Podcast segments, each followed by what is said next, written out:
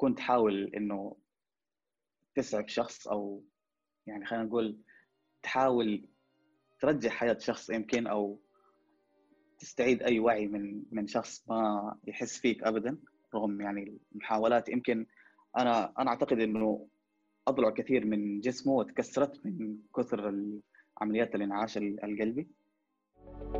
هذا البودكاست من إنتاج محتويس.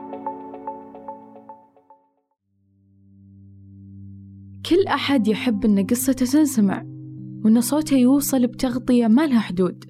ضاعف تواصلك الحين بالجيل الخامس من زين.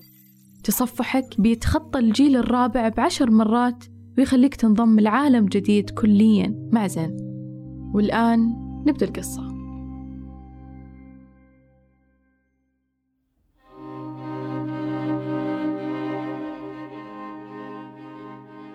دائما نسمي سلم الطائرة بممر السعادة اللي يحمل شعورنا بفرحة السفر والإجازات الممتعة.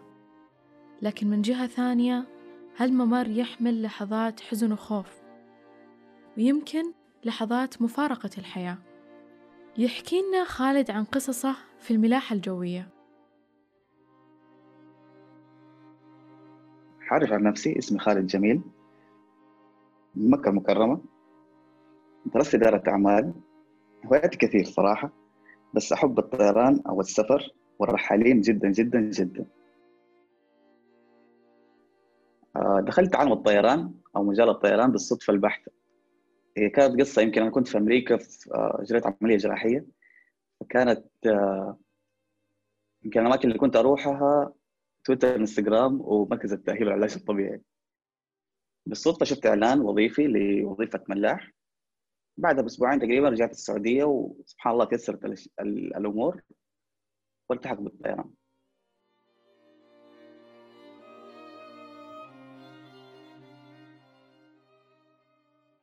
أفتكر بعد أشهر من التدريب والتدريب العملي والنظري آه، كانت أول رحلة لي. في أول رحلة قال لي كلام مهم صراحة. قال لي إنه إحنا في عالم الطيران ناس عاديين جدا. عندنا مشاكلنا وهمومنا برا البيت في البيت وفي المكان. بس لما نجي ندخل الطيارة إحنا لازم نسيب همومنا ومشاكلنا برا الطيارة وندخل الطيارة نؤدي واجبنا وعملنا على أكمل وجه. نبان بصورة كويسة ومختلفة للناس الثانيين لأن بنواجه جمهور. بعد ما نخلص دوامنا وشغلنا وكل شيء وإحنا خارجين من الطيارة عندنا الخيار. إما إننا ناخذ مشاكلنا وهمومنا ونرجع فيها البيت أو إننا نخليها عند باب الطيارة ونرجع بيوم جديد وقصة جديدة. 2019 أتذكر كان عام صعب جدا علي. آه، كانت في أحداث وكانت فيها أحداث ومواقف كثير يعني صعبة جدا علي شخصيا إن كان في الدوام أو في البيت أو في كل مكان تقريبا. خلينا أقول كان حلفني عدم عدم التوفيق. مثل ما وصفها خالد كانت سنة مليانة بعدم التوفيق. وفي نهايتها صار أصعب موقف يمر بحياته. أواخر 2019 بدأت الأمور يعني خلينا نقول ترجع لمسارات الاستقرار أكثر. بدأت الأمور تكون أحسن وأهدى شوية. عندنا في الدوام سنويا أو كملاحين سنويا لازم نجري اللي هو اختبارات أداء وظيفية عملية ونظرية نظرية في ال class طبعا وعملية على الطيارة. الاختبار النظري في الكلاس. آه، قررت إني آخذ اجازه 10 أيام. آه، أطلع فيها بكل الأشياء السيئة اللي عدت علي في السنة هذه. اخترت مكان كذا يكون فيه له ثلج وأشياء ثانية يعني تنسيني وتخرجني من الطاقة اللي كنت فيها. وفي نفس الوقت يعني أرجع بنفسية وطاقة جديدة وقصص جديدة. فكانت بعد سفرتي مباشرة عندي اللي هو الاختبار العملي على الطيارة. يعني أول رحلة أرجع فيها بعد بعد الإجازة هذه حطلع لي لرحلة اختبار. فرحلة الاختبار هذه أنا اسمي هذاك اليوم برضو يوم القصة. كان يوم جمعة واللي يعرفني يعرف أنا قديش أحب يوم الجمعة. يمكن عشان أنا ولدت في يوم الجمعة وهو خير يوم طلعت فيه الشمس. وأنا حقيقة ما أحب أطير في يوم الجمعة. يعني حتى لما أحيانا تكون عندي رحلات يوم الجمعة أحاول إني أبدلها مع أي أحد من الزملاء بإني آخذ رحلة ممكن تكون بدري مثلا الفجر عبال 9 10 أنا رجعت البيت خلاص جاهز ليوم الجمعة. لكن مع الأسف ما كنت أقدر أغير هذه الرحلة ابدا لأنه كان عندي فيها اختبار أو لاين شيك إحنا نسميه. على كل حال كان موعد الرحلة 4 الفجر صحيت بدري تجهزت وانطلقت للمطار لاجتماع ما قبل الرحلة. طبعا في الرحلة أنا ملاح عادي جدا أسوي كل المهام المطلوبة مني ومضاف عليها الاختبار. دخلت المطار أخذت قهوتي صحصحت وروقت وطلعت الاجتماع ما قبل الرحلة. نهاية الاجتماع الكابتن ختم ب نروح بسلام ونرجع بسلام إن شاء الله. ودام معانا المكاوي هذا كان يقصدني أنا. ف our life is easy كان ال position تبعي حساس شوية بإني كنت مسؤول عن النصف الخلفي للطيارة كامل. فهذا الشيء طلب مني تركيز ومسؤوليات أكثر من لو إني كنت R1 أو 2 على الطيارة. طبعا في الطيارة إحنا نكون غالبا يعني آه، كل طيارة تختلف. آه، يعني حسب نوع الطيارة تتطلب عدد مضيفين أو ملاحين. معين. آه، غالبا في الطيارات اللي إحنا نطلعها يكون عدد الملاحين على الطيارة أربع ملاحين. ال supervisor يكون L1 وجنبه على طول R1 هذول مسؤولين عن القسم الأمامي للطيارة. وال L2 وال R2 مسؤولين عن القسم الخلفي للطيارة. فالترتيب حيكون L1 و L2 هذول ال most senior اللي هم يعني الأقدمية والأكثر خبرة على الطيارة وموجودين ال R1 وال R2 ولكل شخص مننا مهمة معينه على كل حال خلصت الاختبار وصلنا بالسلامة لوجهتنا وبدأنا تجهيز للعودة. بدأ صعود الركاب للطيارة فأحد الركاب رجع جاني من البوردنج آه، وكان باين عنه زعلان شويتين يعني. كان يقول لي إنه في راكب نايم في مكاني وانه هذا الشيء ما ينفع وما يصلح يعني نعرف إنفعالات الركاب آه، أحيانا في الطيارة. فطلب منه إنه يستنى جنبي أو ينتظر جنبي. آه وقلت لأحد الملاحين إنه يشوف الموضوع يعني مين هذا اللي نايم وكذا. لأني كنت مشغول في البوردنج وباب الطيارة في القسم اللي أنا فيه مفتوح يعني فما ينفع أغادر المكان ابدا. وبكود صوتي معين فهمت آه إنه في عندنا حالة حالة صحية طارئة. آه أصوات الأجراس في الطيارة طبعا تختلف يعني يمكن الملاحين يعرفوها أو ندرسها أصلا يعني. فانا دائما أقول إنه أصوات الطيارة يعلمها من يعلمها ويجهلها من يجهلها بعد ما انتهيت ال boarding ومحاولة اني اجلس الركاب لأنه كانوا واقفين وفي زحمة لأنه واضح إنه الوضع خطير شوية. بعد ما انتهيت من ال boarding آه وأنا رايح للمكان اللي فيه الكول أو الأزرار اللي كان مضغوط عليه. خلينا نقول الكول. ومحاولة اني اجلس الركاب عشان أوصل للمكان مكان الحالة. وصلت شفت آه، شخص ممدد على على المقاعد. ولا اراديا صراحة حاولت إنه أفحص العلامات الحيوية لأنه هذا واحد من من أدوارنا اللي نسويها. على الطيارة في حالة في, في أي حالة طارئة أو حالة حالة صحية يعني. حاولت أفحص العلامات الحيوية للراكب اللي حتى لونه كذا كان بدأ يتغير صراحة للأزرق. آه، اللون الأزرق على الوجه أو على على الجسم. بهذه الدرجة المتزايدة كذا في حالة انتشار يعني يدل على حالة وفاة متوقعة جدا رغم استمرار يعني عمليات الإنعاش اللي كنا نسويها وأكثر من شخص كان يتناوب عليها والفترة طويلة. خلينا نقول إنه ما قدرنا نسوي حاجة يعني أو ما قدرنا نطلع بأي symptoms أو أي حاجة تدل على إنه الرجال ممكن آه، يرجع للوعي أو للحياة. كانت تواجهنا مشكلة إنه ما في أي شخص آه، يعرف هذا هذا الراكب. آه، كان مسافر لوحده. ما شفنا معاه أي يعني document أو بطاقه أو شيء زي كذا ما أدري هي طاحت منه أو ضايعة. كان معاه البوردنج بس. ما كان في حوزة هذا هذا الشخص إلا الجوال وكيس الإحرام. غالبا كان رايح يعتمر يعني لمكة.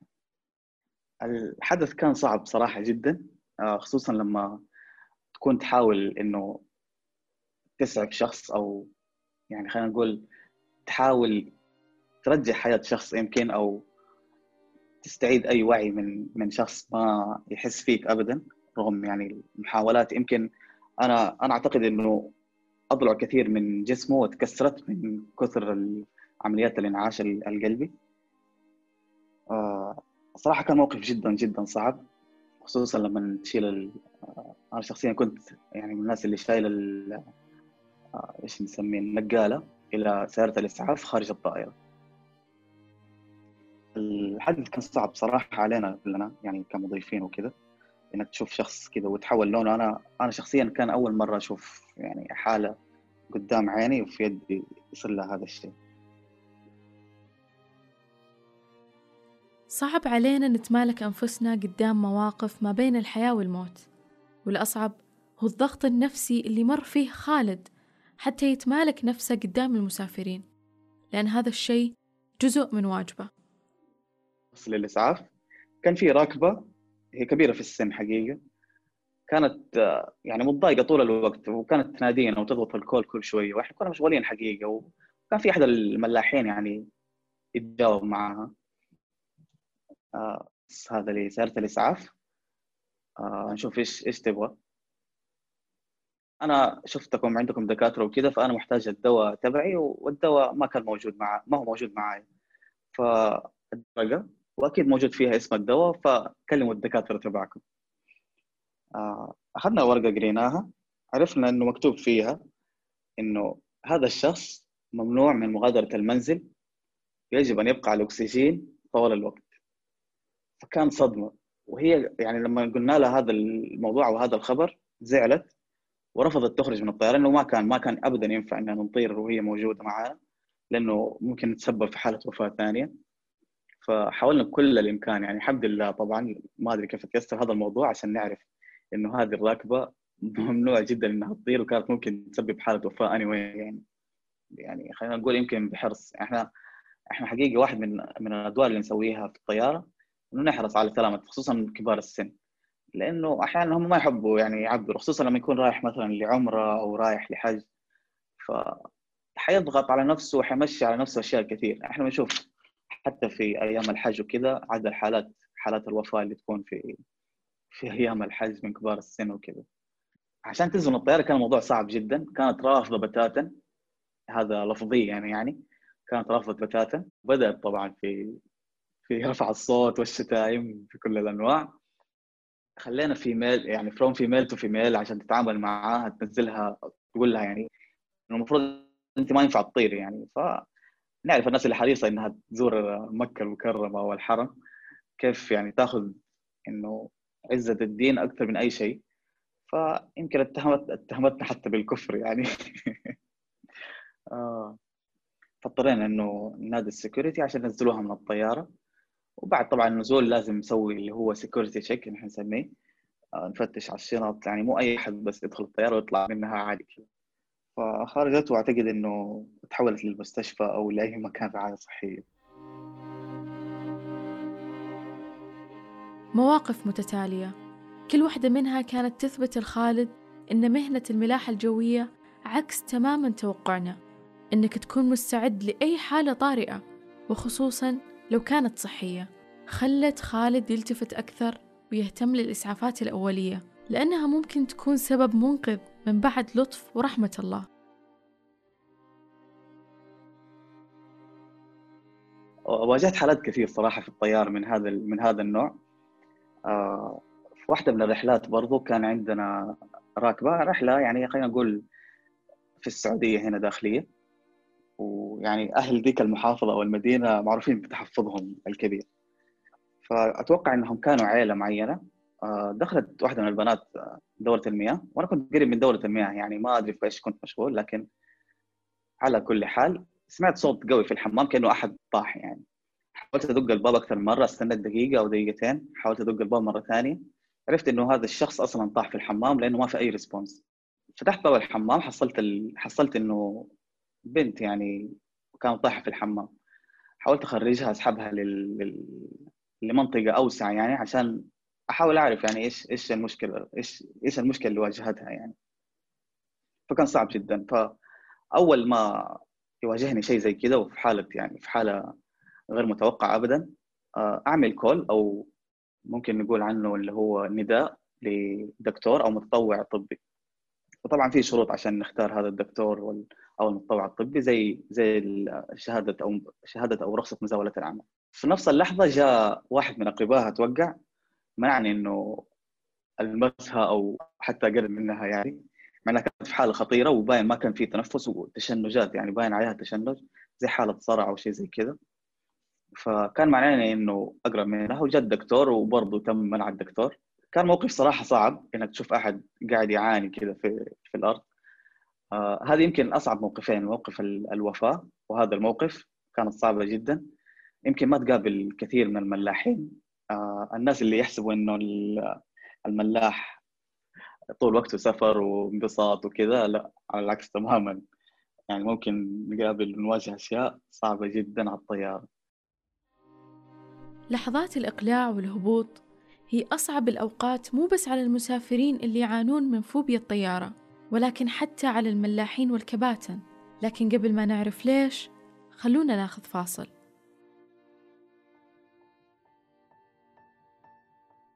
كباتن وملاحين المستقبل تعلموا اللغة من بدري. هالشي راح يسهل مهمتكم الدراسية وراح يخلي الغربة أكثر مرونة. سجل في دورات كامبلي وتأهل لبكرة. لتفاصيل أكثر راح تلاقي الرابط في صندوق الوصف. وإحنا رايحين كانت رحلة من جدة إلى إلى الأحساء آه، عدت الرحلة كل شيء بسلام. أثناء نزولنا كان في سرب طيور. في نفس الوقت صار الجو لأنه كان صباح صار الجو كذا فوقي اللي هو ضباب. ما قدرنا ننزل. فكنا ندور يمكن لمدة خلينا نقول ساعتين يمكن وإحنا في الجو. آه، قربت تخلص عندنا الموية وقربت تخلص عندنا المؤونة الأكل ومويه وزي كذا. كان موقف صعب جدا. الركاب بدأوا يقوموا من أماكنهم وبدأوا يضاربونا ومن هذا الكلام. حقيقي ما ما كان في يدنا إلا إنه نحاول نهدي الركاب ونجلسهم أماكنهم ونعطيهم يعني إنه إحنا في النهاية قاعدين نستنى أوامر للنزول أو إنه الطريق يكون واضح لنا عشان نقدر ننزل في المطار. لأنه هذا الشيء صعب أبدا إنه إنه يتم. يعني التأخير هذا كان لسبب والسبب يعني مو في يدنا في النهاية. لكن حقيقي يعني مين. مين حيفهم يعني أو مين. حيستوعب هذا الشيء إحنا قاعدين ننزل الطيارة قاعدة تطير اوتوماتيك يعني كان كثير من الركاب يقول لي الطيارة قاعدة تطير أصلا بالكمبيوتر فعادي حتنزل وإحنا عندنا دوامات وأشياء زي كذا ف يعني في أشياء كثير نواجهها تكون صعبة أو صعب إيصالها أو شرحها للركاب العاديين وفي نهاية القصص اللي ذكرها لنا خالد حكالنا عن طبيعة عملهم وكيف هي لغة تواصلهم داخل الطيارة بكل هدوء. هي ما هي لغة الإشارة حقيقة اللي يستخدموها آه، فئات الصم والبكم لكن هي كودز إحنا بيننا وبين بعض اتفقنا عليها كده. لو حبيت أطلب ثلج آه، من من أحد الملاحين اللي يكون بعيد عني أنا صعب علي إنه حقعد أقول له ثلج ثلج ووسط الناس وزي كذا. ف بمجرد إني أشر على عيني حيعرف إنه أنا أحتاج ice أو ثلج. فبغض النظر عن كانت كان هو متحدث اللغة العربية أو لأي لغة ثانية أنا أحتاج ثلج. فأشر على عيني. خلاص وصلني وصلني الثلج. أنا أحتاج موية. فأعمل حرف التي أو حرف الدبليو حقيقة. حرف الدبليو بيدي بإشارة معينة. والشاهي نفس الطريقة اللي هو إشارة حرف ال T والحمام لس... آه الله يكرمك يعني أو إحنا نسميه اللافاتوري آه برضه له إشارة ثانية إنه نحتاج مثلا دخول الحمام أو في راكب يحتاج دخول الحمام ونكون مثلا في حالة آه مطبات هوائية.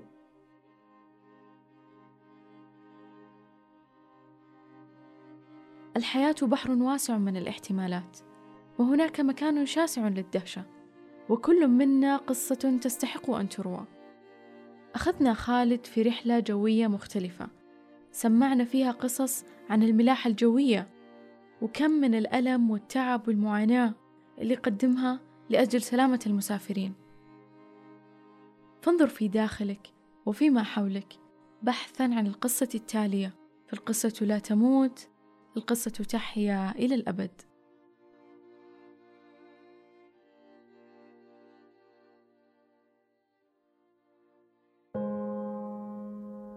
دائما تبدأ قصص النجاح برؤية وأنجح الرؤى هي التي بنيت على نقاط القوة. ونجاح رؤيتنا 2030 بدأت في التحول الصحي. لأن صحة المواطن أولا. استمعوا للكثير عن برنامج التحول الصحي ومستقبل المملكة في بودكاست ديوانية التحول الصحي. راح تلاقوا الرابط في صندوق الوصف.